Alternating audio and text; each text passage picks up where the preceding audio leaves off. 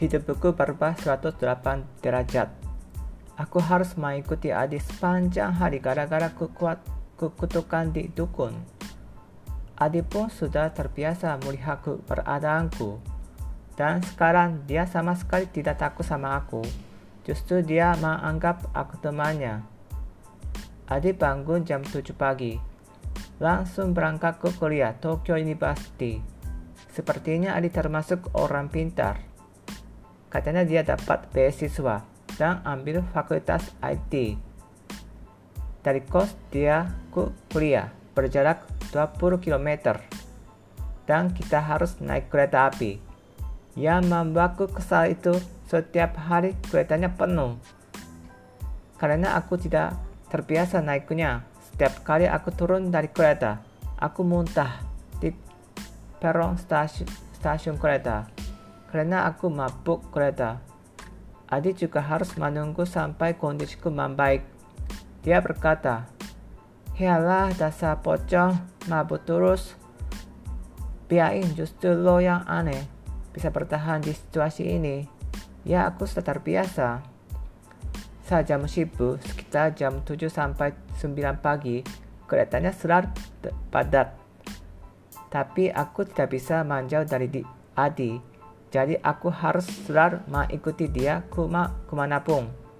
Biasanya aku tidur siang karena aku gentayangan ganti malam hari. Tapi sekarang setiap hari aku dibangun di jam 7 pagi dan langsung berangkat ke kuliahnya. Selama dia belajar di kelas, aku harus terpenggong-penggong menyaksikan kepandaian anak-anak Jepang di sebelah atas dia. Biasanya aku tidak bisa terlihat oleh manusia, tapi ada manusia yang peka terhadap makhluk gaib. Suatu hari aku merasakan sorotan mata dari belakang. Sorotan mata itu berasal dari perempuan cantik, berambut panjang, hidungnya mancung, kulitnya putih, bibirnya tipis. Saat Adi makan di kantin kuliah, Sakura ajak ngobrol dengan Adi. Kenalkan, namaku Sakura. Kamu berasal dari mana? Namaku Adi, aku dari Indonesia. Aku langsung menyadari, Sakura adalah tipe Adi. Dan dari dulu, Adi bercerita padaku, pengen dapat pacar orang Jepang. Indonesia, aku pernah ke Bali pada hari libur kuliah. Bagus, aku berasal dari Pulau Jawa, Jakarta. Bukan, aku ber berasal Jogja. Ya, aku tahu kota Jogja, tapi kemarin tidak ada sempat untuk mampir di sana. Ya, kapan-kapan aku menemanimu keliling kota kalau kau mau. Oke, terima kasih. Mudah-mudahan dapat libur panjang dan duit. Hah, ya. Sepertinya mereka asik ngobrol.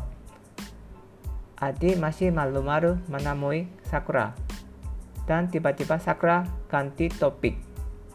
Omong-omong, Adi percaya hantu. Kok kenapa Sakura tanya soal hantu? Seber sebelumnya aku minta maaf. Aku mau bi bicara jujur ya.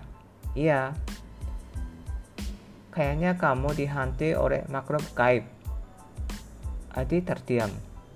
Makhluk gaib? Apakah kamu bisa melihatnya? Aku tidak bisa melihat dengan jelas, tapi bisa merasakan auranya sebelah atasmu. Mungkin perasaan kali begitu. Sepertinya Sakura peka terhadap hantu.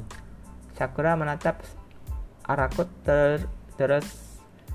Aku bingung ber bereaksi. Setelah itu Sakura pamit dengan Adi dan dia meninggalkan kita berdua. Oi, kamu jangan menakuti Sakura. Enggak lah. Dia Sundi punya bakat melihat hantu. Tapi jangan khawatir, sepertinya dia hanya merasakan auraku aja. Hore, dia ajak ngobrol dengan Sakura. Kata dia. Dari dulu dia menyukai Sakura, tapi selama ini tidak berani ajak ngobrol. Gara-gara dia dihantui oleh aku, Sakura mengajak ngobrol dengan dia. Dasar bodoh. Sakura hanya penasaran sama kali